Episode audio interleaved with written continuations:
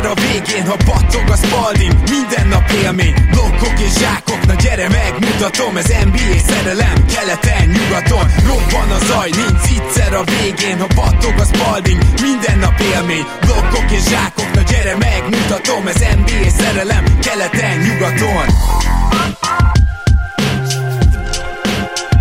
jó! Szép jó napot kívánunk mindenkinek, ez itt a Rep City keleten nyugaton podcast a mikrofonok mögött Zukály Zoltán és Rédai Gábor. Szia Zoli! Szia Gábor, sziasztok, örülök, hogy itt lehetek. Újabb overreaction következik, igaz, hogy így a hétvégén, de nem baj, azzal is mennünk kell, haladnunk kell, és nem mindig hétfőn, vagy kedden, vagy szerdán, vagy most már gyakorlatilag volt itt már minden. Az biztos, hogy hat olyan csapatot hoztunk, aki mostanában hát felkeltette az érdeklődésünket. Több olyan is lesz, ami szerintem már a ti érdeklődéseteket is felkeltette egy jó ideje. Na de, akkor szerintem kezdjünk keleten, és kezdjünk a Charlotte Hornetsnél, mert itt azért több játékosról is kell megemlékeznünk, meg arról, hogy a Hornets az elmúlt talán hat meccséből ötöt nyert elképesztő formába kerültek, az a helyzet. Így van, és hát egyre hangosabb a, a szaksajtó, ugye, ami, ami Lamelo bolt illeti, és az ő szerepét, és már-már nem csak, hogy bekövetelik ugye a csapatbesi kezdőbe, hanem, hanem gyakorlatilag a játék idejét is megdömelnék, ugye. És az, az igazság, hogy, hogy amit februárban eddig csinál, az, az egészen elképesztően jó. És, és amit tudtunk ugye a draftnál, hogy, hogy ez a srác igazából ugye elit méretekkel van megáldva, amit tudtunk még, hogy, hogy elit, ha nem is labdakező, de legalábbis passzjátékos mindenképpen, és, és ugye azt is tudtuk, hogy, hogy nagyon jó lepattanózó. Ami kérdőjeles volt vele kapcsolatban, az, az ugye a, a védekezésbe beletett energia, illetve hát itt-ott a, a, ugye a döntéshozatal, de, de azt is tudni kell, hogy, hogy az, a, az a litván kitérő, az a litván kaland, amit ők ugye megejtettek, akkor mi nagyon sokat elkésztük, ha jól emlékszem, és, és azt gondoltuk, hogy á, nem lehet ebbe a srácból profi, de olvastam most olyan véleményeket Real GM-en, például a, annak a litván csapatnak saját bevallás szerint az egyik legnagyobb szurkolójáról, hogy a csapat se vette igazán komolyan azokat a heteket, ugye ilyen bemutató tornát csináltak gyakorlatilag a szezonból, és azt hiszem, hogy talán és nem esküdnék meg rá, de ezt olvastam, hogy fel is adták valamelyik küzdelmet, valamelyik sorozatot azért, hogy ugye elmenjenek úgymond túlnézni. Ilyen közegben nem biztos, hogy ennél komolyabban lehetett venni, mint ahogy Lamelo csinálta, és, és azt is hozzá kell tenni, hogy ugye profi bajnokságban, ami azt hiszem az Ausztrál bajnokság volt, ott a sérülés előtt azért, azért teljesen másképp állt hozzá a dolgokhoz, és ott már láttuk azt, hogy mitől lehet majd ennyire jó profi Lamelo, akit, akit egyébként még mindig sok kérdőjele, de egyértelműen upside-ra draftoltak le, ugye a harmadik helyen, és hát nagyon sokak szerint, ugye, ahogy Maja Gyuri barátunk is mondta, a, a csoportban még előrébb kellett volna elvinni őt, és, és hát ha újra draftolhatnánk ugye ezt a, ezt a garnitúrát, akkor jelen pillanatban Lamelót vinnénk el helyen, ugye a Sacramento Kings újonca, újonca Halliburton előtt. Így van, tehát sokan azzal érveltek, amikor ott vitatkozgattunk NBA Magyarország csoportban, hogy hát majd, majd később derül ki az, hogy kiből milyen játékos lesz. Oké, okay, oké, okay, de azért mégiscsak kijelenthetjük azt, hogy amit most láttunk, az alapján Lamelónak való, valódi, akár szupersztár, de legalábbis egyértelműen all-star potenciája van mert hogy egyszerűen ilyen kiindulási alapja nincsen senkinek ebből a draft classből, mint neki, ugyanis gyakorlatilag támadásban folyamatosan ö, olyan 10 perceket is akár produkál, de legalább 5 perceket, amiben teljesen magára tudja vonni a, a védekezés figyelmét, és ebből folyamatosan meg tudja játszani a társait, és saját maga is úgy tűnik, hogy egy teljesen potens scorer lesz, ami akármilyen csúnyán néz ki a triplája, az is működik. Szóval ez gyakorlatilag egy ilyen egészen komplett csomag. És ezzel a komplett csomaggal távolról se rendelkezik senki indulásnak. Ráadásul ebben olyan dolgok is vannak, például a vision, az, hogy hogy lát a pályán, amit nem tudsz megtanulni. Az, az nem fog menni, azt, az valószínűleg ő ebben már most elit, és erre a szintre nem lehet csak úgy felfejleszteni valakit. Így van, és, és ugye most már be is került a kezdőbe, tehát kicsit félreértetően fogalmaztam, nagyon sokáig a kezdőbe követelték. Hát figyelj, ami, ez a Graham sérülése, én úgy tudom, hogy csak is kizárólag amiatt került be a kezdőbe. Így van, így van, de, de ettől függetlenül ugye már ott van, és, és most már bőven 30 perc felett játszik az elmúlt mérkőzéseken. Innen nem hiszem, hogy ki lehet őt rakni tehát ugye, főleg, hogy a Charlotte ugye majdnem 50%-on áll, egyértelműen érezzük, hogy ez nem csak egy, egy tavainál jobb csapat, de, de azt gondolom, hogy főleg keleten hát ezen a ponton ki kell mondanunk, be kell jutniuk a play ba de legalábbis ugye play-inben kell játszaniuk. Nyilván ebben benne van az is, hogy, hogy idén is borzasztó kelet. Várj, ez igazságtalan azt mondani, hogy idén is, mert tavaly kb. jobb volt, jó, mint nyugat. Jó, igen, tavaly volt egy úgymond outlier év, és akkor előtte mindegy, ne beszéljünk arról, hogy az elmúlt 20 évben hát igen, ezzel, az, az durva maradjunk annyiba, hogy visszatértünk a, a megszokott kerékvágásba idén, eddig legalábbis. Igen. Akartam még beszélni Miles Bridgesről, Azért, mert meg, meg, meg akartam nézni, hogy elnézést kellett tőle kérnem, ami miatt én őt potenciálban nem láttam már, már túlzottan jónak, illetve nem is csak az, hogy megjósolja az ember, hogy most mi lesz belőle, hanem ugye nekem problémám volt az vele korábban, hogy a triplát nem dobja jól, illetve hogy a védekezése az atletikus képességeihez képest meglehetősen szar. és, és mind a kettőben azért fejlődés mutatkozik, és szerintem ez nagyon fontos megjegyezni, mert ugye emberünk gyakorlatilag csere négyest játszik, egy hihetetlenül erős, és azt tudjuk, hogy mekkorát ugrik, nem csak a zsákoló versenyről, hanem a highlightjaiból is, tehát egy atletikus, egyébként gyors is mellé, tehát nem az a típusú atléta, aki csak ugrani tud, mint mit tudom én Grayson ellen, hanem az a típusú atléta, aki gyors, erős, tényleg, ezt egyre jobban tudja használni, én úgy érzem, és például ő neki nagyon jó volt, amikor Lamelo a padról jött, mert ott egy nagyon jó kis kapcsolat épült ki kettőjük között. Na de védekezésben is fejlődött, és ezt is el kell mondani, azért még messze nem egy elitvédő, de már, de már vannak nagyon jó pillanatai, viszont amit tényleg ki kell emelni, azok a százalékai támadásban, Ugye nyilván kicsit megtévesztő lehet az, hogy hogy, hogy dobja 55%-kal a két pontost, hát úgy, hogy gyakorlatilag csak zsákol, de, de a triplát is 37,5%-kal dobja, 3,6 rádobottból, ami nem egy nagy szám a mai NBA-ben, de egyértelmű, hogy, hogy itt is fejlődés látszik, és van egy érdekesség vele kapcsolatban, hogy 94%-kal büntetőzik, de csak 1,2-szer ér oda a vonalra meccsenként, úgyhogy ebből azért nagy következtetést nem lehet levonni, de talán annyit mégis, hogy hogy itt dobás szempontjából is nagyon reményteljes az idei szezonja eddig. Nem gondolom, hogy ő be kell, hogy kerüljön a kezdőbe, de ő lehet egy olyan wing, egy hatodik ember, aki talán nem a klasszikus hatodik ember szerepben, nem a pont dobó, meg, meg bejövök és 20 pontot szerzek szerepben, de elképesztően hasznosan segítheti a csapatát hosszú távon. Szerintem annyira nem kell megfedned saját magadat, Gábor, mert a, a januárja nem volt valami erős. Nem is volt kiugróan rossz, vagy inkább lehet, hogy a kiugró az nem feltétlen a rossz mellé jó pár szónak, de, de a lényeg az, hogy, hogy nem, nem volt tényleg jó. A, a triplája nagyon inkonzisztens volt, és ez valamennyire egyébként megmaradt most februárra is, de tény, hogy most már azért bedobott pár olyan nagy mérkőzést a közösbe, amik, amik kellettek ahhoz, hogy, hogy bizony a Hornets eljusson erre majdnem 50%-os mérlegre, egy győzelemmel vannak tőle gyakorlatilag, amit, amit nem mondom, hogy egyébként senki nem várt a szezon előtt, mert ugye ilyen középszerű csapatnak gondoltuk a, a Hornets-et, és bár a középszerűség az valamivel általában az NBA-ben legalábbis az 50%-os mérleg alatt van, azért olyan nagyon messze a legjobb potenciájukban nem feltétlenül voltak tőle, viszont teljesen más így beszélni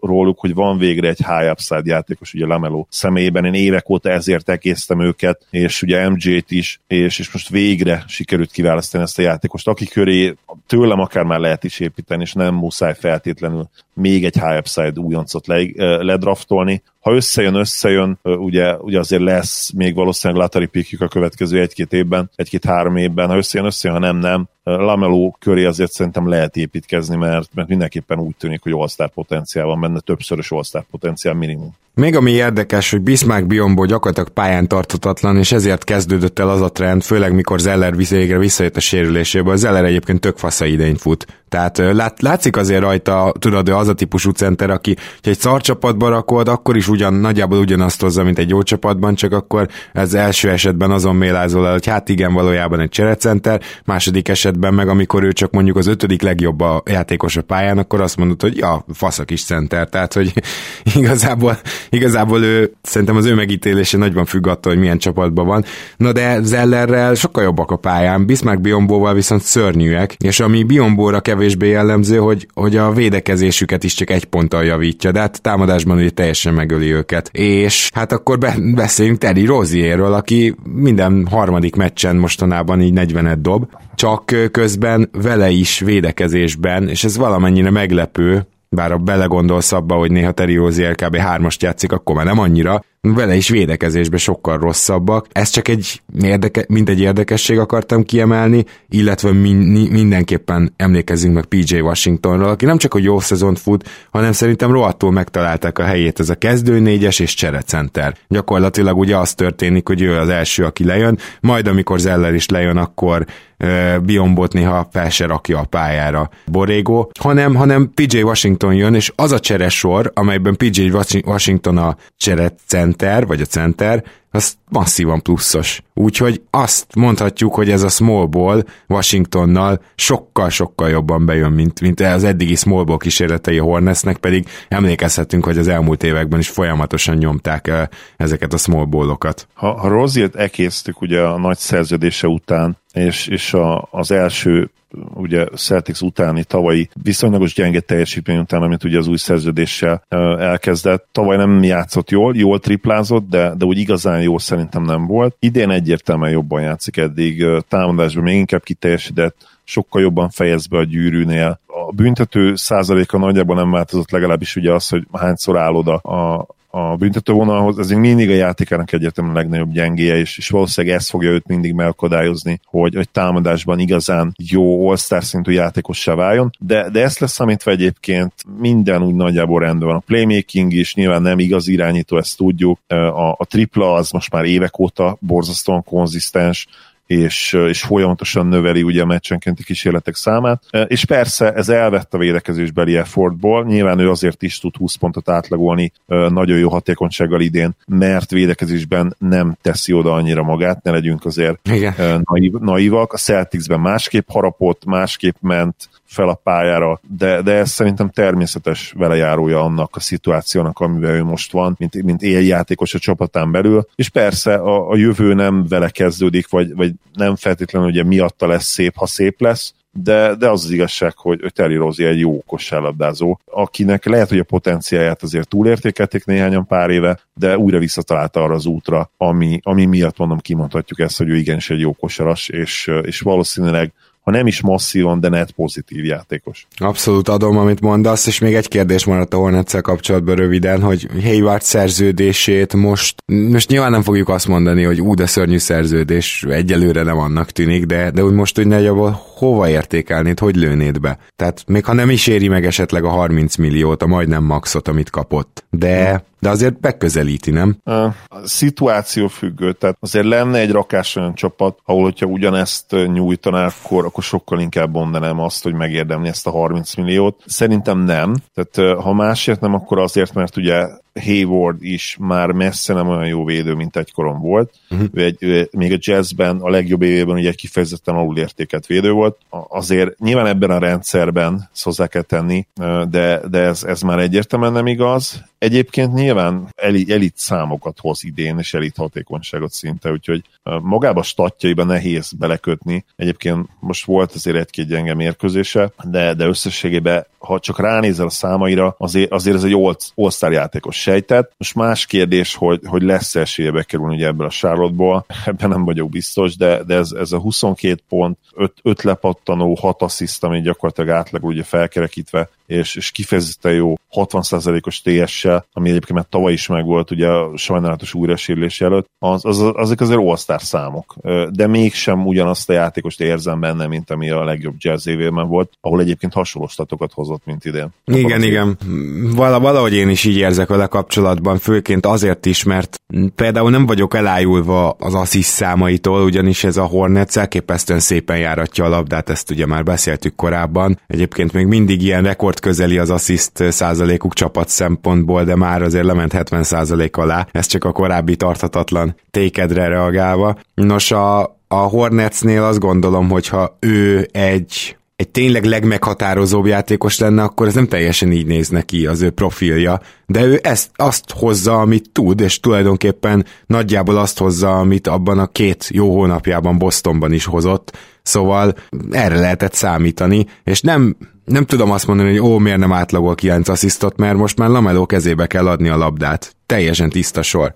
Úgyhogy innentől nem vagyok, nem vagyok benne biztos, hogy ez jó kifutású szerződés lesz, de azért nyilván nem is lehetnek nagyon csalódottak a Hornets drukkerek, azt gondolom. Igen, zárszóként annyit még erről, hogy, hogy a franchise-hoz kell igazítanunk ezt a szerződést. Tehát mi, mi történt az elmúlt 10-15 évben ugye a Charlotte ami, ami olyan igazán jó dolog volt. MG regnálása alatt semmi. Mi történt? Semmi. Tehát párszor, egyszer, aztán egyszer bejutottak a play-offba, ugye még az, a Steven Jackson féle csapat. Egyszer a Kemba féle csapat is bejutott a, a play-offba. csapat is egyszer bejutott, ami, amire lehet azt mondani, hogy jó teljesítmény, de úgy igazából nem mentek se előre, se hátra általában. Ugye azt, azt mindig elmondtuk, hogy nem voltak se elég rosszak ahhoz, hogy nagyon jó korszakos játékos draftoljanak, se elég jók ahhoz, hogy, hogy, hogy ne bánjuk ezt és, és most végre tényleg Lamelóból, ami történt velük úgymond, és ami nagyon-nagyon jó dolog lehet a jövőre nézve. Hogyha Charlotte Drucker lennék, azért, azért mindenképpen mosolyogva nézném az eddigi szezont, mert, mert tényleg Hayward egyrészt nem, nem, nem úgy nem rossz, hanem kifejezetten jó, és mondom, itt van Lemel, úgyhogy uh, végülis jó, most végre úgy néz ki, hogy jó irányba haladnak. Nyilván kell jó pár év, mire megtudjuk, hogy mennyire is mentek jó irányba. Beszéljünk a Los Angeles Lakersről, amely csapatról valahogy a legkevesebb szó esik mostanság, legalábbis a mi köreinkbe, de egyébként, hogyha megnézitek ahhoz képest, hogy a bajnok csapatról van szó, akkor, akkor egyértelmű, hogy a, az egész szaksajtó ilyen elkönyvelte azt, hogy a Lakers tényleg ilyen jó,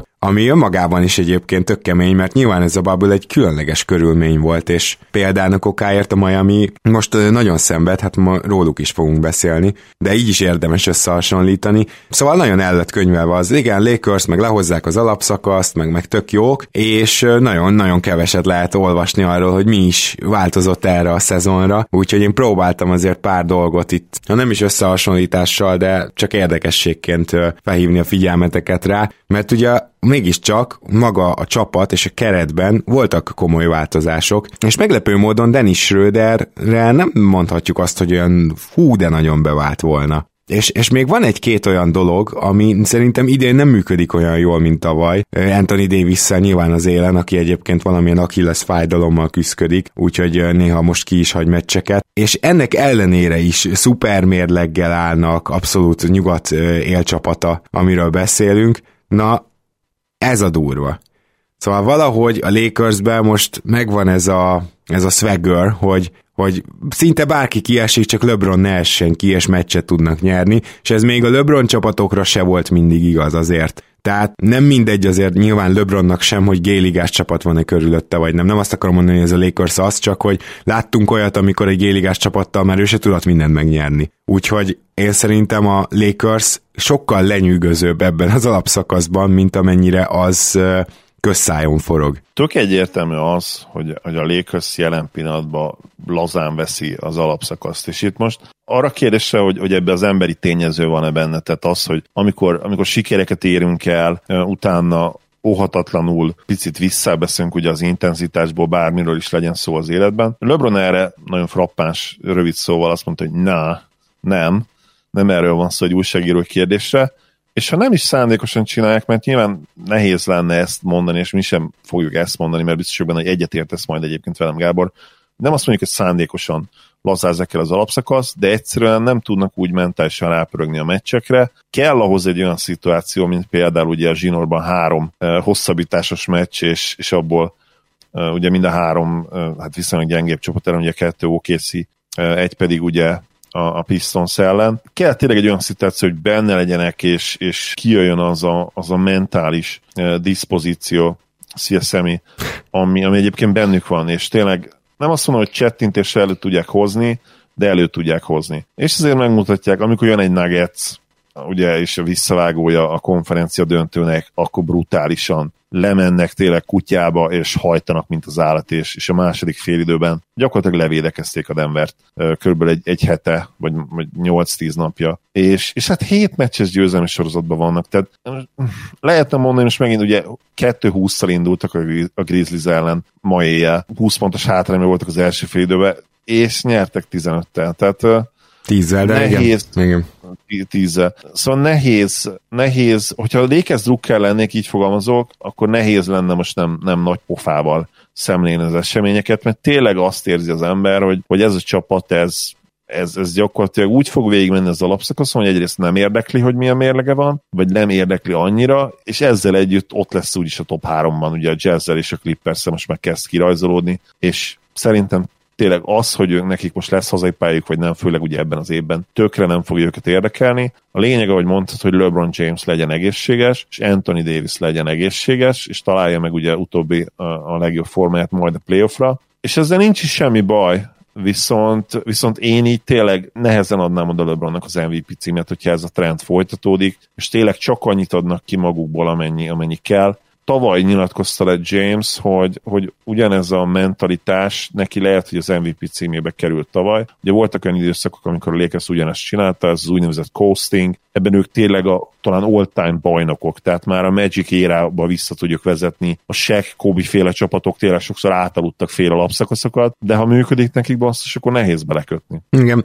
ráadásul james most is 14 ponttal jobb a csapat, amikor pályán van, ami azért bődületes statisztika, tehát a Joel Embiid szokott ilyeneket produkálni, ez, a, ez amikor már tényleg a bőven több mint 10 ponttal jobb a csapatod, úgyhogy te amúgy 35 perces játékos vagy, az nagyon durva. Egyébként Caruso a másik, és ő is szokás szerint plusz-minusz darling, tehát hogy a plusz-minusz mutató őt szokta szeretni, 13 ponttal jobbak vele, pedig azért nem teljes átfedésben csak james játszik, és hát igen, még mindig a Lakersnek az egyetlen gyenge pontja a padja, Wesley matthews szörnyűek, Kai Kuzmával szörnyűek, Markif morris szörnyűek, és igazából Montes Harrell és Horton Tucker is mínuszos egy olyan csapatban, ami azért vaskosan pluszos net ratingbe. Úgyhogy ha van még gyenge pontjuk, az még mindig a pad, illetve nem tudom, ha a Páni Gergő itt lenne, ő biztosan sokkal jobban aggódna Anthony Davis teljesítménye miatt. Te mennyire aggódsz? emiatt. Hát a mai éli meccset látva, az összefoglalóját annyira nem. Csalok mert uh, nyilván, nyilván nem játszik jól, és, és ugye az MVP esélyeit gyakorlatilag az első másfél hónapban eldobta. Igen. Uh, Lukához hasonlóan de ettől függetlenül annyira nem aggódnék. Mm, jó, akkor viszont beszéljünk arról, hogy a Lakers, nem inkább azt mondanám, itt beszéljünk arról, hogy milyen furcsa trendek vannak ebben az alapszakaszban, mert ugye tavaly, mintha kicsit lelassult volna ez a féktelen triplázás, bejött az a védekezés, már elég sok csapat kezdte el csinálni, hogy inkább triplát dobjatok, de ne a gyűrűt támadjátok, abszolút működött. Idén ez egyrészt kevésbé működik, de főleg azért, mert ledobják a csillagokat is az égről a csapatok, és én nekem meggyőződésem, hogy azt az ilyen változó körülményeket legjobban a csapatvédekezések sinylették meg, mert nem feltétlenül arról van szó, hogy a csapatok varázsütésre kezdtek el egy százalékkal liga átlagba kb. Jobb, jobban triplázni, hanem inkább arról, hogy ugye kevésbé érnek oda, kevésbé érnek ki a zavaró emberek egyszerűen nem fizikailag, hanem rotációban a csapatok nem tartanak ott. És ezt már csak azért is mondom, mert nagyon tetszett, ahogy Nate Duncan megfogalmazta. Az idei alapszakasz kosárlabdája messzebb van a playoff kosárlabdától, mint bármi az elmúlt tíz évben. Tehát nagyon, nagyon ilyen osztárgálakat látunk, és emlékszem, hogy már két éve is panaszkodtunk erre, de aztán egyértelműen a védekezések fejlődése megfogta ezt a folyamatot, és visszajutottunk egy olyan playoffba ugye tavaly, ami elképesztő minőséget és védekezést hozott, és mondjuk egy Raptors Bostonon, hogyha valamelyik csapat a rendes játékidőben meg tudta dobni a százat, az általában nyert. És most ez milyen nevetségesen hangzik, ha itt most százon tartod az ellenfeled, akkor a világcsászára vagy. Nem, nem trend, ez nem lehet tendencia, ugye? 119-es offenzív ratinggel vezet a Milwaukee Bucks. Ez mi? És a legjobban védekező csapat a Lakers. Lakersnek is csak úgymond 104,5 most a, a védekezés, tehát a defensív ratingje, de a második csapat már 107-tel kezdődik. És tavaly ugye volt egy 101-ünk és két 104-ünk, tehát hogy csak hogy érezzétek, hogy teljesen visszaestek a védekezések, szétdobják az agyukat a csapatok, és én szerintem ez most nem csak a kosárlabda evolúciója, messze nem, hanem itt tényleg az van, hogy egyszerűen ez normalizálódni fog, mert a változó körülmények miatt nem tudtak összeállni a csapatvédekezések, meggyőződésem. Ez is benne van, van, meg én, én tovább is ragaszkodom ahhoz az elméletemhez, aminek ugye Pándi Gergő kicsit utána nézett, és ugye a, azt hiszem a büntetőkön nézték meg a büntető százalékon, hogy nézők nélkül egyszerűen jobban dobnak a csapatok. Igen, Nekem ez, ez me- meggyőződésem. Plusz van még egy olyan faktor, hogy oké, okay, tehát mondod, hogy kik nem érnek ki annyira csapatok. Nem tudom, hogy nézted de a, legalább az összefoglalóját a mai éjjeli Mavs Pelicansnek, amikor ugye a, a hétláb egy magas Krisztál Porzingis rádobja 10 méterről a labdát, erre, erre nem lehet kiérni. Tehát tényleg még zavarni is nagyon lehet. Tehát Na jó, de ez tavaly is, meg tavaly előtt vagy is. nem. Meg tavaly is, volt. Tavaly is így volt, igen. És ugyanez igaz mondjuk Carl Anthony Townsra, aki most is nem tudom, bevert 3 per 5 vagy, vagy 5, 5 per 7-et, tehát uh, nyilván védekezésben ugye továbbra is hozta, tehát hiába tért vissza a, a védő oldalon nyilván rosszabb volt vele a csapat, mint, mint a támadó oldalon, de, de amikor már tényleg magas emberek is ennyire széthúzzák a pályát, és a centereid így, így dobnak, és, és lehetne még emlegetni, amikor, amikor nem tudom, amikor Collins a, a Hawksból center poszton játszik, ugye épp olyan line van benne, akkor is gyakorlatilag tényleg ki kell menni 10 méterre védekezni, nehéz, borzasztó nehéz. Tehát a, az átlagos, hogyha, hogyha egy skillt kivennénk az elmúlt 20 évből, hogy mi fejlődött legtöbbet az átlagos játékos, nem meggyőződés, ami a tripla lenne. Igen. Hát ma mindenki tud triplázni, de tényleg mindenki. Igen, ez, ez abszolút így van, tehát nyilván ezzel együtt mondom azt, hogy ettől függetlenül szerintem normalizálódni fog a helyzet, ahogy a csapatok így összeszoknak, és mondjuk teljes csapatok tudnak együtt egyzeni, mert itt erre is kevés a, igen, van. Igen, a playoff nyilván más lesz, tehát a, a playoffban megint azért, azért látunk majd olyan mérkőzéseket, ahol, ahol a védekezés jobban fog dominálni, és a bírók is szerintem ebben partnerek lesznek úgy, uh-huh. hogy hogy keményebben fogják fújni a sípot. Mm, az igazság, hogy, hogy ez az egész alapszakasz most, nem azt mondom, hogy nem veszik komolyan a csapatok, de, de tényleg egyrészt nehéz azok, azon körülmények miatt, amikről beszéltünk, másrészt pedig benne lehet egy olyan is, hogy az edzők borzasztóan kísérleteznek. Például, ha megnéznénk azt, hogy hányféle line raktak ki az edzők, és mondjuk összehasonlítanánk bármikével, garantálom neked, hogy torony magasan vezetne ez az év, és nem csak a Covid miatt egyébként, hanem egyébként is. Egyébként egyébként is sok volt. Szóval, szóval amúgy is borzasztóan kísérletező kedvükbe vannak az edzők, és, és ebben gondolom benne van az is természetesen, hogy, hogy a hazai pálya tudjuk, hogy az idei playoff alatt, hogy majdnem biztos, hogy biztosak vagyunk benne, hogy az idei playoff alatt sem nagyon fog számítani. Például a Lakers jó védekezése most, hogy mondjak egy ilyen úgymond kísérletet, azon alapszik, hogy mivel Anthony Davis olyan jelenlét a palánk alatt, hogy az ellenfelek nem szívesen mennek be, ezért sokkal jobban fogják a perimétert, tehát a fordítottja, mint amit tavaly meg tavaly előtt a Bucks csinált, mint, mint győztes, és, és ez bejön eddig, mert hogy ellenük nagyon kevés wide open triplát dobnak a csapatok, cserébe ugyan bőven vannak a gyűrű közelében kísérletei az ellenfélnek, csak nem olyan jó százalékkal. Úgyhogy ebben bízik gyakorlatilag a Lakers, és úgymond ellene megy az eddigi trendnek, és ő nekik ez működik. Tehát egyértelmű, hogy, hogy nem jelenthetjük ki, hogy az egyik trend vagy a másik trend működőképesebb, hanem ki hogy tudja alkalmazni a saját csapatához, és ezt egyébként Fogel nagyon jól csinálja, úgyhogy ezért meg akartam dicsérni. Na, akkor menjünk át szerintem keletre. Válasz egy csapatot, Zoli. Még kettő van keletről. Ha már szóba kerültek, akkor beszéljünk a Milwaukee Bucksról egy kicsit. Jó, jó, abszolút adom na- nagyon nehezen tudok róluk beszélni, mert sok szempontból dominánsak, és közben meg sok szempontból úgymond repedések vannak a pajzson. És az egyik ilyen szempont az a rangadókon nyújtott teljesítmény, ahol hát elég rendszeresen kikapnak. A másik ilyen repedés a pajzson, hogy ugye a tavalyi védekezésük sehol nincs. Ami viszont dominánsá teszi őket, hogy egy egészen brutális támadó csapatnak néz ez így ki. Főleg, hogy Middleton tényleg megkapta a kezébe a labdát, Jannis sokkal több elzárást ad. Hiába, hogy Jannisnak bizonyos számai romlottak, például a büntető százaléka is, amire külön felhívnám a figyelmet, hogy az, az most kezd tragikus lenni, és a triplája sem javult semmit. Maga a Bucks támadójátéka, azzal, hogy Bledsoe helyett helyén Holiday van, és hogy Middletonnak több a szerepe, ö, hát így kiugrott az egekbe körülbelül illetve Di Vincenzo is jobb szerintem, mint tavaly volt. Olyan magabiztossággal áll bele ezekbe a triplákba, és most már nem is kell, hogy feltétlenül üresek legyenek, ami, ami hihetetlen. Nagyon energikus játékos, jól lepattanózik, tök jó hoki asszisztokat ad, nyilván szinte alig van a kezébe a labda úgy, hogy, hogy pumpálja is, és, és természetesen ezt nem is nagyon teheti meg ebbe a csapatba még, de tényleg igazolja azt, hogy, hogy amit azon az NCAA Final Four döntőn láttunk, az, az nem volt véletlen. És, és hogyha térjünk ki akkor erre, erre az egyengére, ami, ami pedig egyébként engem kicsit nem gondolom, hogy pessimistává tesz megint csak ugye a, a Bucks playoff esélyeit illetően, hogy ahogy mondtad, János semmit nem felül, ami a tripla dobást illeti, viszont a, a büntetődobás az egy ennél is uh, szomorúbb tendenciát ír le gyakorlatilag. Hogyha megnézed, és ha megnézed, akkor ugye a 16-17-es szezonban 77%-os büntetődobó volt Jannis, ami, ami egészen hihetetlen. A meccsenként 7,7 kísérettel egyébként. Utána 17-18-ban már csak 76%-os, 18-19-ben 72,9, tavaly 63,3, és idén, ahogy mondtad, ez már kifejezetten tragikus, és úgymond centerekre hajazó 57,5% És az a durva, hogy, hogy ahogy csökkent a, a százaléka, úgy ment fel a, a büntető kísérletének a száma is. Tehát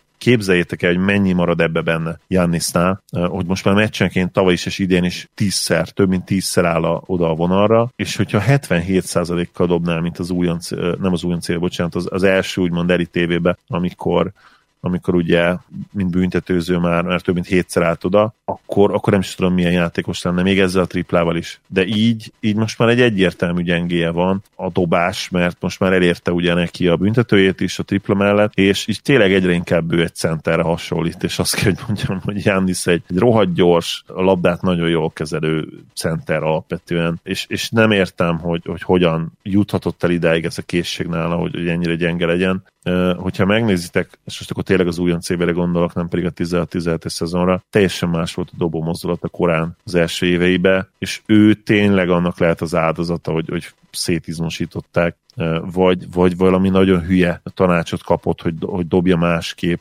mint, mint előtte, de, de ne, ezt nem hiszem, mert amíg a dobóedzők is el szokták mondani, hogy nem feltétlenül az számít, hogy milyen a dobó mozdulatot, hanem az, hogy te mennyire magabiztosan tudod úgy ráemelni, és milyen százalékkal dobod be. És ezért hagytak nagyon jó dobóedzők egyébként kifejezetten csúnya dobó mozdulatokat is úgymond piszkás nélkül játékosoknál. Itt Jánisznál tényleg arról lett szó, hogy egyszerűen a, a hihetetlen izomtömeg miatt, ha megnézitek tényleg, hogy hogy nézett ki 20-21 évesen, hát szerintem 25 kiló izommal kevesebb volt rajta, mint most. Ennek köszönhetően már nem tudja úgy ráemelni, mint régen, és, és úgymond ezt szedte szét neki tényleg a, a, a shooting motion és, és nem is nagyon lehet ezzel szerintem mit kezdeni ezen a ponton, vagy lehet, hogy teljesen újra kéne építeni az egészet, az meg, az meg nem tudom mennyire lehetséges egy NBA játékosnál. Hát főleg egy 26 éves NBA játékosnál, ugye?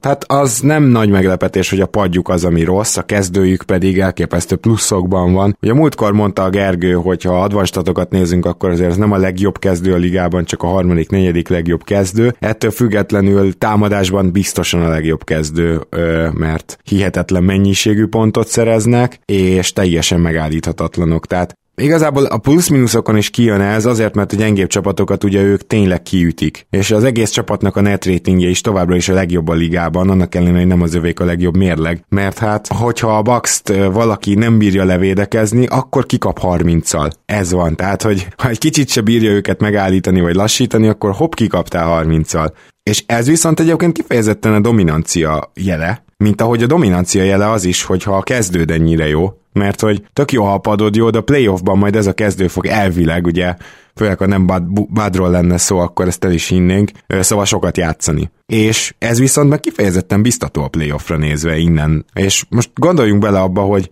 amit említett Zoli Janisnál a dobásnak a gyakorlatilag visszafejlődése. Azt azért szerintem maga az a jelenség, hogy most az utolsó 5 percben mindig Middleton kezében van a labda, elég jól el lehet kerülni, és azért ugye na, nem olyan könnyű ezt a Middleton Jannis pick and levédeni, mert nem hagyhatod ott Middletonnak a középtávolit. Tehát, hogy kibazott automata az ember. Tehát az, az kész bent van. Az imádkozhatsz maximum. Ezért, mivel mivel Middleton is gyakorlatilag egy három szintű scorer, tehát van triplából veszély, van középtávolról veszély, van gyűrű alól veszély, plusz Janis a, valószínűleg egy olyan rollman, aki teljesen esélytelen megállítani egy embernek mondjuk, vagy bárhogy is véded a pick and roll-t, tehát oda valahogy két ember kell, vagy, vagy tényleg elvonja a csapat figyelmét, ezért szerintem ez a playoffban hát működőképesebb lehet, mint a tavaly meg tavaly előtt látott Janis pumpája, aztán történik valami, csak éppen sorfalba összeállnak előtte, úgyhogy mégse történik semmi. Taktika. Amit fogunk kell játszani, szerintem is erre kell majd felkészülni nyilván azok a különböző zónák, illetve a zóna és, és a duplázás, ugye Middleton duplázás ennek a vegyes felvágottja. Igen. Aztán nyilván akkor jön az, hogy, hogy, hogy egy Divincenzo, egy Holiday, egy, egy Brook Lopez mennyire tudják bedobálni azokat az üres helyzeteket, amik meg lesznek nekik ugye a play de nyilvánvalóan ez lesz a taktika, amit, amit játszanak majd a Bucks ellen, és én jelen pillanatban nem vagyok túl magabiztos azt illetően, hogy, hogy a leges legjobb csapatok ellen ezt, ezt ki lehet védeni, át lehet hidalni a részükről. Ehhez rohadtul kellene számomra még egy playmaker, és ebből a szempontból itt nagyon sajnálom megint csak visszacsató arra a majdnem cserére, ugye a Bogdanovics féle cserére, mert ő tényleg úgy kellett volna ebbe a csapatban, mint egy falat kenyér, véleményem szerint. Hát kicsit az tabella ezt alá is támasztja szerintem, mert, mert amúgy nehéz megmagyarázni, hogy miért, hogy hogy jöhetett össze tíz vereségük, ami nem tudom, összesen szerintem kaptak ki rajta 25 ponttal. szóval, hogy, hogy őket tényleg nem lehet kiütni, vagy ilyesmi, de, de az a tíz vereség, ez egyszerűen fura. Na, ha már playmakerek, menjünk már át San Antonio-ba, mert ott van egy pár. Még hogyha egyik se igazán elit, akkor is elmondhatjuk, hogy hogy playmakerből jól el vannak látva, és, és nem csak playmakerből, hanem győzelemből is hahó. Tök durva, nem? Hogy, hogy azért a San Antonio spurs mindenki olyan tizedik helyért versengő csapatnak várta, jelen pillanatban sokkal jobbnak tűnnek, és a világ vicce, de annyira egyszerűen össze lehet foglalni. Gyakorlatilag mióta Aldrich sérült, azóta ilyen jók. Így van, és, és amióta megtalálták ezt a, ezt a legjobb kezdőt, ami most a legjobb kezdőnek tűnik ugye a következő hónapokra, ez pedig ugye Dejon Murray a, az iránytó poszton, White, Derek White a gyakorlatilag shooting guard poszton, de ő is úgymond egy ilyen második számú irányító inkább, ugye Purdle, aki lehozott brutálisan jó meccseket mostanában, tett ilyen olyan dupla-duplákat, hogy mellette három-négy blokk is, és, és sokszor a leges legjobb plusz-minusszal ugye a, a, nem csak a kezdőből, de a csapatból, bár itt mondjuk mostanában ugye a kezdő működik jól, tehát ez nem most akkor meg... De ő a padról is tényleg hozta ezt, mert most Egyébként igen. egész szezonra enged meg, hogy közbeszúrjak egy statot, pöltöl el a pályán 19 ponttal jobb a San Antonio Spurs, ami brutális adat. Nagyon-nagyon jó védekezik az igazság, és ugye tudtuk mindig, hogy erről híres a, a, a csapatodban Gábor a, a Raptorsban is abszolút ez volt az ő ütőkártyája, igen. Ütőkártyája, igen. Majdnem calling cardot mondtam, úgyhogy köszönöm, hogy a, a magyar megfelelő gyorsan beszúrta, tudtad, hogy meg kell menteni. és az az igazság, hogy, hogy bár hoz legyenge meccseket, de, de Keldon Johnson is az a játékos, aki nem csinál hülyeségeket a pályán, aki, aki ad némi floor spacinget, még ha mondom, kicsit kiegyensúlyozatlan is ebből a szempontból, de, nagyon jó a kiegészíti Demar DeRozan ugye a wing pozícióban, aki hát, aki le a kalappal, mert amit csinál, azt végre nagyon jól csinálja, ugye nem emel rá sok triplát, csak az üreseket dobja rá általában, és ennek köszönhetően alacsony kísérlet mellett, de egész jók az idei százalékja is. Odaére vonalra, plusz playmakingben, ahogy mondtam a Mutkor Gábor, egyértelműen fejlődött évről évre az elmúlt években, és igen, még mindig nem építenél igazából köré egy, egy hazai pályára esélyes csapatot, de amit lehető kihozott szerintem az elmúlt években a, a tehetségéből, és, és hát tök egyértelműen Hall of Famer lesz. Én azt gondolom, hogy ez nem is lehet kérdés. Azt mindenképpen tegyük hozzá, hogy Demar DeRozan playmakingje mellett is Murray és White is szerintem idénre szintet tudott lépni, White-nál még, még akár ennél is többet várok, mert ugye ő most mégiscsak a sérüléséből most tér vissza, de Murray azért egy teljesen külön faktor. Mert emlékszünk kettő és fél éve Murrayre, amikor mondtuk, hogy gyerekek, ez egy transzcendens védő, ez tényleg ilyen liga top 10 védő, az új Drew Holiday. Na most megint ezen a szinten védekezik, végre a sok-sok sérülés után. Lehozott egy 8 labdalopásos meccset, és ha valaki nézte azt, azt hiszem a Golden State elleni mérkőzés, már-már vicces volt, tehát így gyakorlatilag így nézted, és így nem hiszem el, az meg, és megint, és megint.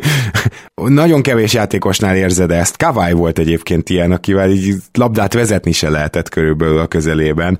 Szóval, hogy nem csak erre az egy meccsre akarok kitérni, Murray védekezése jelenleg simán ö, ö, all defensive first team, és az amellett pedig támadásban végre kezdi kihozni a potenciáját, ami nem olyan nagyon-nagyon magas, de ez így a komplett csomag, az egy rohadt jó játékos, és szerintem most jelen pillanatban ő nagyon alul értékelt, mert, mert, mert kezd visszatérni ahhoz a szinthez, amit akkor feltételeztünk volna, hogyha ugye nincsenek a sérülései, és nem hagy ki gyakorlatilag egy évet. Úgyhogy szerintem ő rá érdemes lesz figyelni, és az új Day az egy nagyon is jó párhuzam őt nézve. Igen, abszolút adom ezt az összehasonlítást, és kicsit azért revidiálnom, amit az előbb mondtam, ugye, hogy Derozan egyértelműen Hall of lesz, azért ez nem igaz.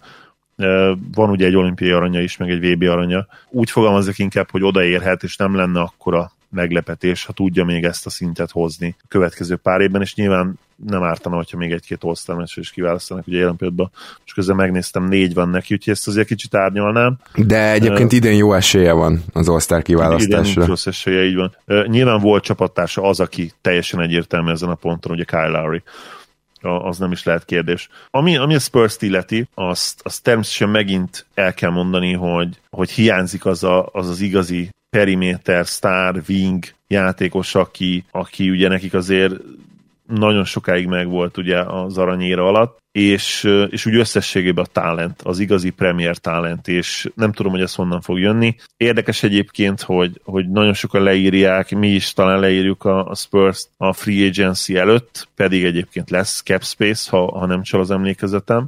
Végre nem lesz, is, igen. Nem is, nem is kevés egyébként. Le, lehet, hogy, lehet, hogy itt is ránk cáfolnak. Ez a 14-10-es mérleg, ez brutálisan erős most. Lehet, hogy Pop meg tud győzni, nem tudom, egy Oladipót nem lenne annyira sokkoló talán. Más kérdés, hogy, hogy például el tudsz képzelni, Gábor, mert lehet, hogy te azt mondod, hogy nem, egy Oladipót ebben a Spursben, hogy hogyan tenni jobbá őket. Lehet, hogy nem is feltétlenül legjobb fit. Mm, igen, mondjuk nyilván a védekezést azt emelni. Erre külön ki akartam térni, hogy az elmúlt években megszokattuk, hogy a Spurs képtelen védekezni, de rohadt jó támadó csapat. És az a nagy helyzet, hogy a Spurs most azzal javult fel, hogy inkább megfordította ezt a trendet, Nyilván itt minden perc, amit Aldridge a padon vagy sérülten tölt, az segíti ezt a történetet, de csak 21-ek támadásban, úgyhogy szerintem már most ennyit a hattékemről, amiben a Spurs top 5-ös támadó csapat lesz, viszont a védekezésük az jelen pillanatban a 9 legjobb, és ráadásul ez a 109,8-as védekezési, tehát a defensive rating, ez ma nem számít egyáltalán rossznak, tehát ez például mondjuk a, egy Sacramento-nál, Washingtonnál már ilyen 5-6 ponttal jobb, tehát nem csak arról van szó, hogy a sűrű mezőnyben előállnak, hanem azért arról is, hogy ez, ez, ez a mai mezőnyben így, így nem számít rossznak. De azért nagyon elitnek se, szóval ezt se szeretném mondani, és támadásban sincsenek nagyon-nagyon lemaradva. Mondhatjuk, hogy középszerű a Spurs ilyen szempontból, de maga az, hogy megfordult ez a trend, és hogy inkább védekezésben tudnak nagyot alkotni, vagy, vagy jobbak lenni, az mindenképpen figyelemre méltó, és különösen aki követi Greg Popovich karrierjét. Mert ugye ő egyszerűen így bajnokcsapatokat állított át. Tehát amikor mondjuk volt egy nagyon védekező csapata, és á, de nem megy egy idő után, csak nem tudunk a playoffba érvényesülni, hopp, megnyomta a switchet, és akkor elkezdett támadó csapatot építeni, például 2007 és 2014 között így teljesen átalakult a csapata. 2013-ra tulajdonképpen már megvolt az eredménye, akkor sokan azt gondolják, hogy az meg lehetett volna nyerni, reális esélye volt a Spursnek én, már. Én már visszamennék a 12-es szezonra, hogyha, hogyha emlékszel Gábor, egy 20-as győzelmi sorozaton volt a Spurs, már a playoffot is be, beszámítva a konferencia döntőig, tehát és vagy lehet, hogy 20 plusz is volt. Aha. Tehát az alapszakaszt is egy nagy futással fejezték be, szerintem, nem tudom, 7-8 meccse, és utána ugye kétszer négy és két meccs, tehát 10 meccs, igen, tehát akkor valószínűleg 10 meccs, ha jól emlékszem, 10 meccses győzelmi sorozata fejezték be az alapszakaszt, megnyerték a playoff első 10, 10 mérkőzését, 2-0-ra vezettek az OKC ellen a konferencia döntőbe, és onnan azt hiszem zsinórban négyet Igen, buktak, sikerült. De ott már arról is szó volt, vagy úgy, úgy, úgy emlékszem, hogy azt is pedzegették, hogy mi van, hogyha a Spurs kisöpri az egész playoffot, és az a durva egyébként, hogy olyan nagyon messze nem voltak tőle, nyilván matematikailag ugye utólag most már mondhatjuk, hogy ezek kurva messze voltak tőle, Igen. mert kikaptak a konferencia döntőbe, de hat mérkőzést kellett volna onnan nyerni az, az egy egészen hihetetlen csapat volt, és, és az, az már a Beautiful Basketball Spurs Igen. volt. Tegyük hozzá, hogy a 12-es Miami meg a legerősebb hit volt, úgyhogy azért ott, ott igen, lett volna igen, probléma. Valószínűleg, valószínűleg a legerősebb, igen. Bár lehet, hogy én a 13-as hitet mondanám, de a lényeg az, hogy utána ugye a következő évben a döntőt majdnem megnyerték, gyakorlatilag egy hát egy, szerintem egy rossz pop döntésem múlott, ugye a tánkjent védekezésben mi a francér viszed le, Nyilván azért hogy ugye váltás volt, és hogy nehogy triplát kapjanak, de, de Dunci ugye akkor már lassú volt. Na, de mindegy, uh, long story short, tehát megint van egy ilyen, ilyen ö, változás, megint egy kicsit megcsavarta Popovics a dolgokat, erre akartuk. Igen, viszont én megnézném a, ugye elem a kiesése óta, Eldridge kiesése óta, lehet, hogy ott egyébként egy, azt látnánk, hogy február eleje óta a top 10-ben vannak támadásban is, meg védekezésben is, mert engem az se sokkolna CSM megint csak, hogyha támadásban is jobbak lennének idén Aldridge nélkül. Lehet, hogy mm. hülyeséget mondnak, mert most nem néztem el a statokra. De... Hát én nekem itt van előttem, úgyhogy már mondom is neked, Marcus aldridge a pályán 109-es offenzív rating nélkül a 107-es, tehát egy kicsit Picivel rosszabb. Picivel rosszabb. Mindegy, ha megnéznénk külön a, ugye erre a X meccsre lehet, hogy jobb lenne, mint 109, de nyilván ez az ellenfelektől is függ, tehát nem azt mondom, hogy ez feltétlenül mérvadó, vagy releváns. Minden esetre igen, tehát úgy, úgy néz ki, hogy play jutott a Spurs, és, és akár play nélkül is, vagy legalábbis ugye ott a hatodik, ötödik, hatodik, hetedik helyen, ami ugye play jelentene, tudjuk, mert eléggé hülye ezt a szabály, idén azt hiszem a hatodik is játszik plane. Nem, a hetedik, de mindegy, hetedik, igen, tényleg igen. furcsa a szabály. Figyelj Zoli, azt akarom tőled kérdezni, hogy a, megismernéd ezt tippelni? Tehát mondjuk a Spurs elkerülheti a play-int, a, a, az kellene az, hogy hatodikak legyenek, ugye? Ah, igen, ah, tehát hogy lesz legalább hatodik a Spurs. Az hát, a bajunk, hogy Aldridge vissza fog tipp. térni. Igen, megtippelni, nem tippelném ezt meg az, az, az baj, hogy hát nyugaton igazából semmit, tehát engem az, az se sokkal, hogyha még az én Dallasom is ugye akár a negyedik helyért küzdene. Az első három az, azért hozzáteszem, hogy az nagyon úgy néz ki, hogy az, az más játékerőt képvisel idén. Mm. Az alapszakaszban ugye, bár nem is tudom, még ott is elég, elég uh, sűrű, ugye a Clippersnek is 8 veressége van, ahhoz képest 11 verességgel áll egy rakás csapat. Mm, nem, nem merném megtippelni azért. Tehát na, borzasztó sűrű az, az a mezőny. Tehát van ott 7-8 csapat egymás hegyén hátán. Én félek tőle, hogy Aldridge visszatérése szét a védekezést, és, és, és vissza fog süllyedni a Spurs, de ne legyen igazam, és nem, azt is csak remélni tudom, hogy van esetleg olyan csapat, aki megpróbálkozna Aldridge-el, és megpróbálja őt elcserélni a Spurs, de hát ez a legnagyobb naív kijelentés, amit amit csak tehetek a spurs kapcsolatban. ezt, viszont, ezt viszont jól tudom, menjünk át Miami-ba. A Miami Heat egyelőre még nem mondhatjuk, hogy feltámadt, pedig most már azért lassan visszatértek a játékosok nagy része, de azt tegyük hozzá, hogy nagyon nehéz erre a az eddigi teljesítményre általános értékelést mondani, mert szinte nem volt két ugyanolyan kezdő, szinte egyszer sem állt rendelkezésre az egész csapat, és szerintem azt is nyugodtan elmondhatjuk, hogy ezek a körülmények, ezek akkor is nehezek, amikor végre már teljes a, a csapat, mert gondoljunk bele, hogy Jimmy Butler egy hónap kiadás után újra. Oké, okay, tök jó, de ez nem azt jelenti, hogy rögtön az első meccsen már is rohadt jó lesz, és megnyeri a meccset. Tehát ez ezek se így működnek. Úgyhogy éppen ezért azt gondolom, hogy a Miami Heatnek a következő, na hát olyan kettő-három hét döntheti el a szezonját, hogy merre alakul. És nem, nem pedig az eddigi rész az, ami úgymond már feltétlenül mérvadó. Ebben gondolom egyetértünk. Mindenképp, mindenképp egyetértünk ebben. Tényleg van egy rakás mentő körülmény, tehát ne legyünk azért mm, kemények a hittel szemben. Ugyanakkor fel lehet hívni a figyelmet olyan problémákra is, amelyek hát nem feltétlenül csak és kizárólag ugye a Covid-nak és a sérüléseknek szólnak. Bizony. 13 játékos hoztak vissza ugye a tavalyi döntős rosterből. Ugye szokták mondani, hogy a, a folytonosság, a folytatólagosság az egyik legfontosabb az NBA-ben, és ha ebből indulunk ki, akkor persze, akkor nagyon könnyen lenne a Covid-ra ugye ráfogni, hogy, hogy miért voltak ennyire gyengék, de, de az, az igazság, hogy már még uh, azt hiszem Butler kiesése előtt is voltak azért értetetlen vereségek. Most, hogyha a négyes győzelmi szériát ugye megnézzük, illetve visszamegyünk kicsit még, akkor, akkor elmondhatjuk, hogy, hogy összességében se támadásban, se védekezésben nem működött ez a csapat. Ugye nagyon sokáig is talán lehet, még most is igaz, top 10 legrosszabb csapat között voltak ugye mind a kettőben, támadásban egyenesen top 5 legrosszabban, amit, amit szerintem azért nem gondoltunk volna. Á, azt nem tudom, hogy kitippelte meg, de az nagyon nagy jós volt. Igen, tehát úgy értem, hogy, hogy a, a sérülések és a Covid mizéria ellenére sem gondoltuk volna, mert, mert azért, azért játszottak nagyon jó játékosok viszonylag sok meccsen, ugye Bemádebajo például szerencsére megúszta, a, a Covid-ot és a sérüléseket, ha jól tudom. Ugye 23 mérkőzésre lépett per, lehet, hogy korábban ő már átesett egyébként Covid, de most erre nem esküdnék meg. Mindenesetre ő, ő, ő, nagyon szépen szintet ugrott a szezonban, 20-10-et átlagot gyakorlatilag 5 asszisztal, és, és utána is azért Hero majdnem 20 mérkőzésen játszott, Dragic is bevethető volt, majdnem ugyanennyi, Duncan Robinson, szinte mindegyik mérkőzésükön játszott, Olinik is szinte végigbevetető volt, ő azért egy, azért egy magabiztos, nagyon-nagyon tapasztalt cserejátékos, akit, akit nagyon sokszor já, láttunk ugye kezdőként is, jó csapatokban, playoff csapatokban, hosszú ideig pályára lépni, és hát ugye nyilván Bradley kiesés ugye a Covid miatt az, az, az nagyon-nagyon rosszul jött, mert a, a periméter állományukat érintette extra durván, ugye, de, de Nán is majdnem 20 mérkőzésen játszott egyébként, szóval én azt mondom, hogy lehetett volna rosszabb is, még ha, hogyha a mérlegre ránézve nem is feltétlenül ezt gondolják, hogy itt vannak.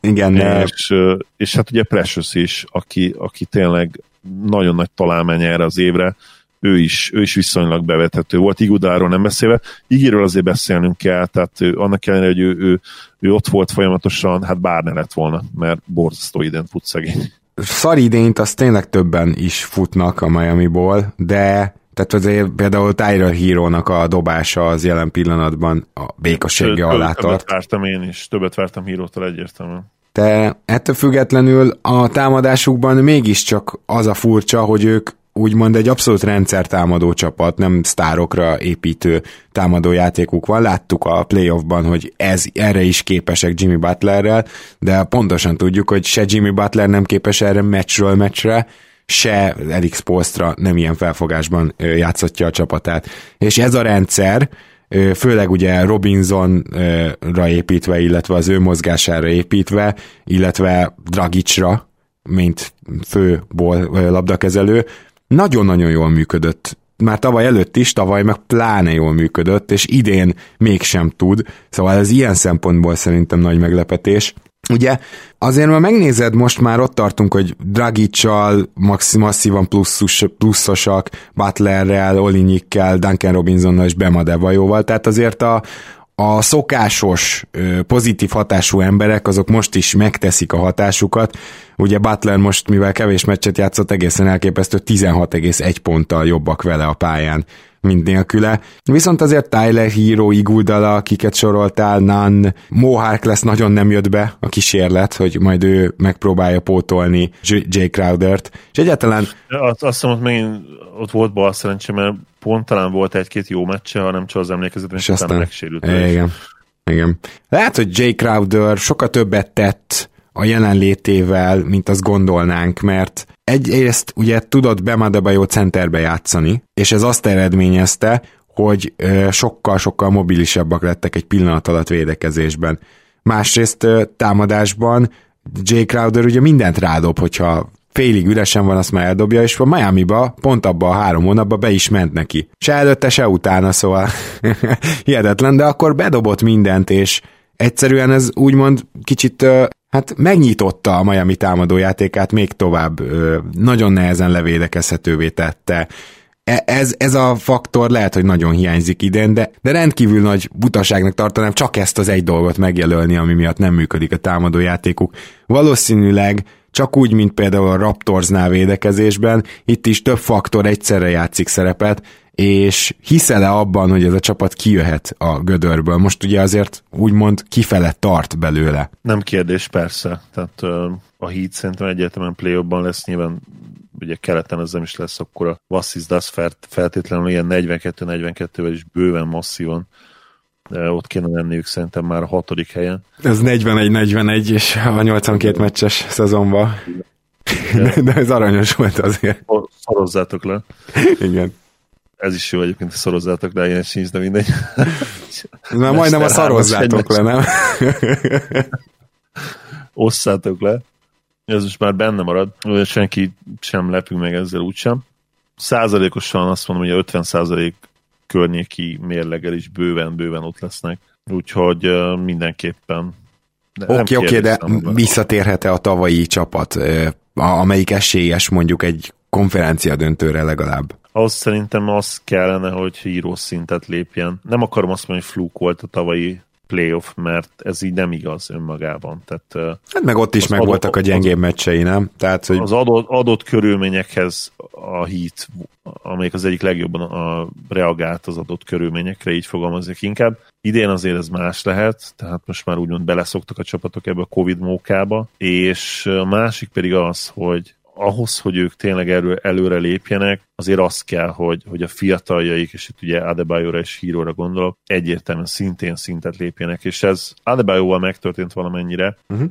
de, de Híróval egyelőre nem. Tehát ahhoz szerintem, hogy ők kimaxolják a potenciáikat, és visszakerüljenek a döntőbe, ahhoz az kell, hogy egy nagyon jó hírót lássunk, sokkal jobbat annál, mint amit amit eddig idén, és tényleg lehet, hogy ez a sokkal jobban se írja le pontosan, hogy mekkora szintépésre is van szükség. Aha, és nem is, valahogy nem is, re, nem, nem, nem a realist keresem, hanem hogy olyan, olyan kicsit igazságtalan elvárni ezt hírótól. Abszolút, abszolút. Hát ő ugye azért nem top 3-as pick volt. Hát most attól függetlenül is, mert az ő magasságába simán beszokták nézni, tehát onnan kb. franchise playerek jönnek a 11, 12, 13 Igen, csak azért, hogyha top 3-as pick vagy, akkor, akkor már megszokod úgymond ezt a rád nehezedő nyomást. Híró nem tudta ezt megszokni, és, és neki uh-huh. igazából tőle, tőle a tavalyi playoff után várta el mindenki, főleg ugye az a 37 vagy hány pontos meccs, dönt, azt hiszem a döntőbe dobta az egyik, egyik meccsen. Talán a konferencia egy, döntőbe, de igen. A konferencia döntőbe, igen. Minden esetre egy olyan playoff meccs után valahogy azt vártuk, hogy tényleg idéntől szupersztár, ami nem fair elvárás egyébként, tehát ez tök egyértelmű. Neki nem olyan a játéka, a kész fiatalok, fiatal szupersztároknak, akik úgy érkeznek az NBA-be, hogy tudjuk kb. az első hónaptól kezdve, hogy ők, ők igen, ő, ők, ők ez a játékos. Író nem ez még neki, neki azért a fejlődési görbéje nem lesz ennyire meredeken felfelé ívelő, de eljuthat ettől függetlenül borzasztó magasra, csak valószínűleg kell még neki majd egy-két szezon. Aha, igen, hát én ráadásul én ugye ebben is szkeptikus voltam és vagyok, tehát én nem tartom olyan magasnak az ő potenciáját, plafonját, mint amennyire te, úgyhogy én mondanom sem kell, hogy még kevésbé hiszem ezt el. Jó, menjünk át akkor utolsó csapatunkhoz, a Golden State Warriorshoz, nyugatra, és a Warriors hm, gyakorlatilag minden esélyt így fölülmúlva, meg a mutatott játékát is fölülmúlva pozitív mérleggel áll, és playoff helyen. Egyik leg... fair, Gábor, ha, ha most 10 percet csak Steph Curryről beszélnénk, és ezt most így őszintén gondolom. Aha. Tehát igazából tényleg csak, csak róla kéne beszélni most. Én készültem mind nagyon röviden Steph Curryről, de talán a 10 perc az, az, az lehet, hogy hosszú lenne egy adás szempontból. Nem Nem, úgy érzem, nem. Minden esetre azért Zolinak ez a mostani megszólása is pontosan mutatta, hogy mekkora szezont fut, és hogy gyakorlatilag egyedül viszi a hátán ezt a csapatot. Annak ellenére, hogy ez egy nem egy jó támadó csapat, tehát nem arról van szó, hogy csapatként jók, hanem azt képzeljük el, hogy Steph Curry nélkül ez a csapat valószínűleg támadásban történelmi mélységekbe járna. Inkább szerintem így lehet jól megfogalmazni, hogy Curry mit csinál, és a másik pedig az, hogy a védekezésük engem meglepett. Tehát a, a számomra egyértelmű volt, hogy itt védekezésben is lehetnek gondok, és ezért mondtam azt, hogy nem fognak végül beférni a nyolcba. És azért így is indult a szezon, de ebben szerintem tök jól előre tudtak lépni, és még akkor is mondom ezt, hogyha a Golden State Warriorsnak a védekezése sem teljesen konzisztens. Van egy-két meccs, amikor nagyon elkapják őket, de legtöbbször ők olyan csapat, amelyik képes mondjuk 110 pont alatt tartani az ellenfelét, és ez már ritka. Egyébként hetedikek védekezésben jelenleg. Ez egyébként nagyban köszönhető annak is, hogy mostanában Wiseman ugye nem játszik, mert vele nem valami jók védekezésről a pályán, viszont Lunival például szuperek. Tehát nyilván Wiseman egyelőre nem nagyon tudja védekezésben, hogy hol van, és ez nem is fog szerintem idén varázsütésre megváltozni minél kevesebb Wiseman, annál jobb védekezés, és hát ilyen szempontból akkor annál jobb Warriors. Igen, nem tudom, hogy Wiseman milyen játékos lehet most. Ez szerintem a szezon elejéhez képest is nehezen megtippelni, mert valamilyen szinten megkönnyíteni a dolgunkat, hogyha, hogyha ilyen stabil, nem tudom, 12-10-es átlagot hozni, és ezt úgy csinálni, hogy minden meccsen hoz hozzá ez, de semmi extrát nem látunk tőle. Ezzel szemben látunk tőle nagyon extrákat és olyan felvillanásokat, amik azt mondatják velem, hogy a határ a de emellett olyan húzásokat is, amik meg azt mondatják velem, hogy ennek a srácnak esélye nem lesz. Ha ilyeneket csinál a pályán most, kizár dolog, hogy ő valaha sztár legyen. Úgyhogy yeah.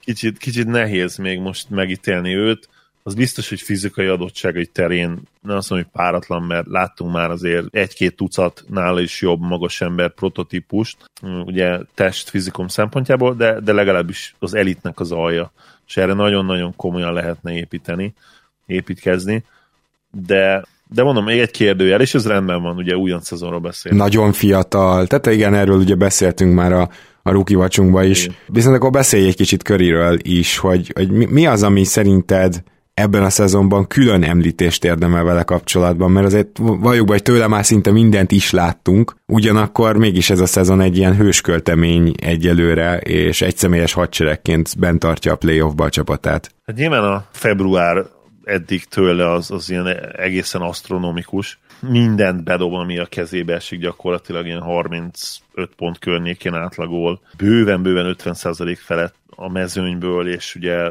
bőven 45% felett talán triplából, és valahogy ez rémlik. Most megnéztem hogy a game logjait az adás előtt februárra, és, és az a hihetetlen, hogy teljes mértékben hiányzó number 2 nélkül csinálja, de ez nem teljesen igaz, mert talán mostanában a legkonzisztensebb ilyen number 2 mögött a támadásban az, az a, a, a legenda Juan Toscano Anderson volt, aki egyébként hozzáteszem, hogy Oaklandbe tényleg legenda, tehát Oakland környéken, úgyhogy nem biztos, hogy érdemes beszólni neki, mm. mert azon a környéken tényleg nagyon jó.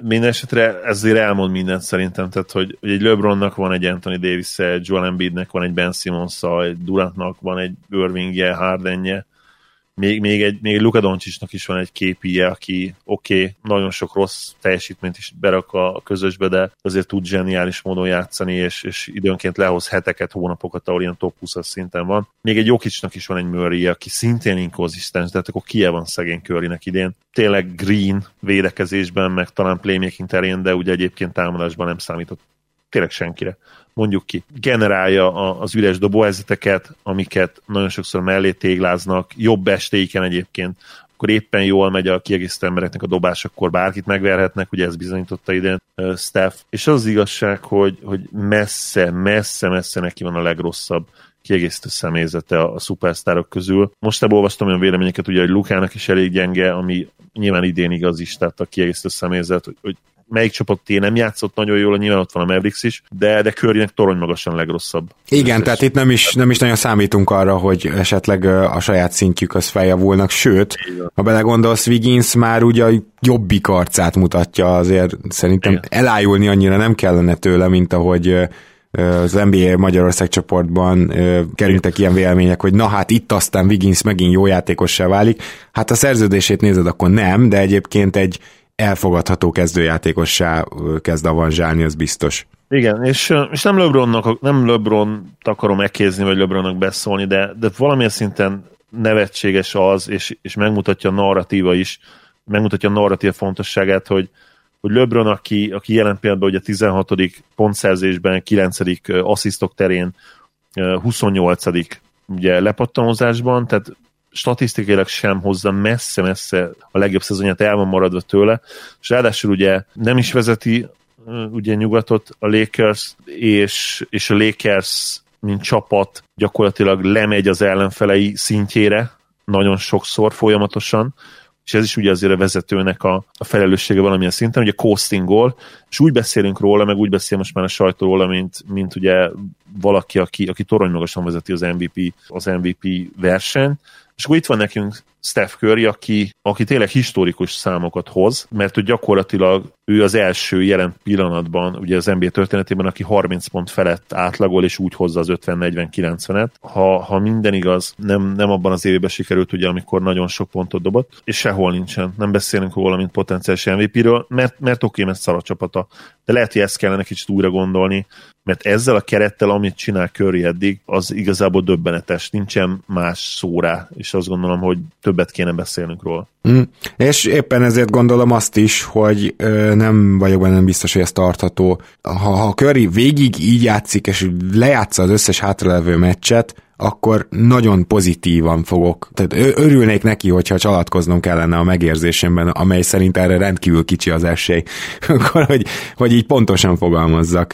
Szóval én e, ezért tökre aggódom, Ugyanakkor jó nézni ezt a Steph Curry-t, mint mindig, de, de most különösen jó nézni ezt a Steph Curry-t. Én nagyon-nagyon szeretném azt, hogy ha ő köré még egy, hát a bajnok csapatot már nehéz is lesz építeni, de még egy nagyon jó csapatot felhúzzanak, ez most nem az, viszont, viszont a, az impactje Currynek, én abban már nem hittem az elmúlt két-három évben, mert szerintem erre van mentségem, mert, mert nem is volt az a, az a hihetetlen superstar impactja már, mint ami 2014-től körülbelül 18-ig.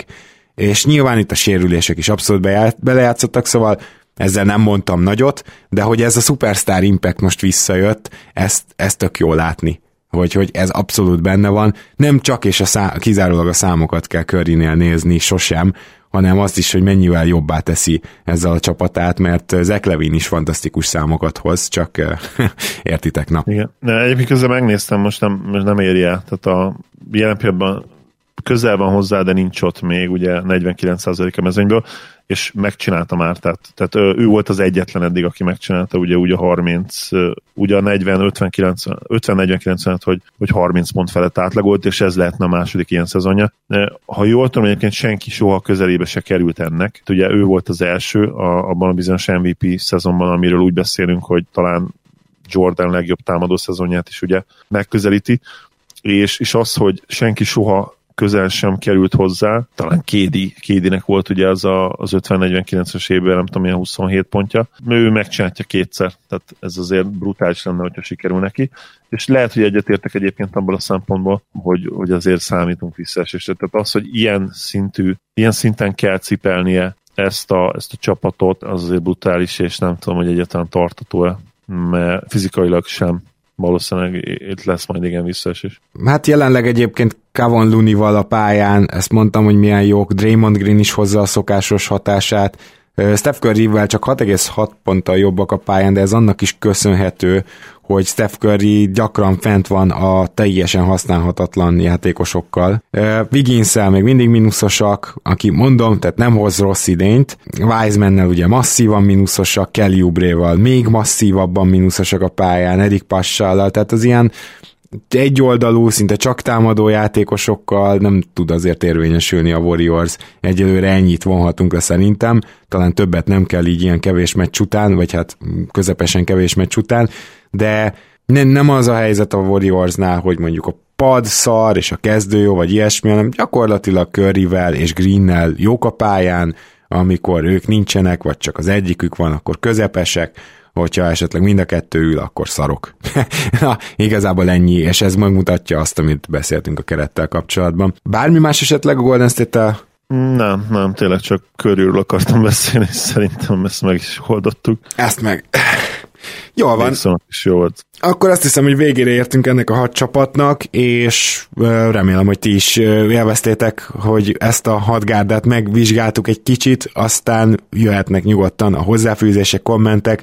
Természetesen nem terjed ki mindenre azért a figyelmünk, úgyhogy biztosan tudtok még főleg saját csapattal kapcsolatban egy-két érdekességet, extrát is hozzárakni, úgyhogy ezeket is nagyon szépen köszönjük, és akkor jövő héten majd hét elején jelentkezünk, a Kobi könyvet akkor sorsoljuk ki. Köszönjük szépen, hogy a keleten-nyugaton játékok az gmail.com-ra elég sokan elküldtétek a jelentkezéseteket, és Zoli, nagyon szépen köszönöm, hogy ma itt voltál. Örülök, hogy itt lettem. Szia Gábor, sziasztok!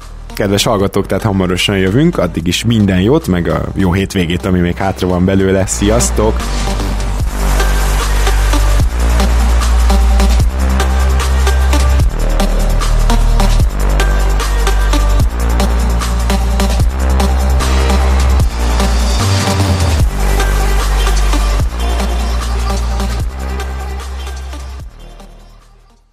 Ha más podcastekre is kíváncsi vagy, hallgassd meg a Béton műsor ajánlóját. El tudod képzelni, hogy a podcastet, amit éppen most hallgattál, fél év múlva már a mesterséges intelligencia generálja? Mi sem. De ha érdekel, eljött már a gépek lázadása. Hallgass bele az Embertelen podcastbe. Orsós Lajos vagyok, a műsor házigazdája. Egyelőre még élőben. Egyelőre. Fedezzük fel együtt, hogyan ismerkedik, randizik, mesél és vitatkozik Betty és Péter, két teljesen mesterséges intelligencia. Lajos, a podcast címét mond még egyszer, Léci. Oké. Okay. Embertelen podcast. Ez a műsor a Béton közösség tagja.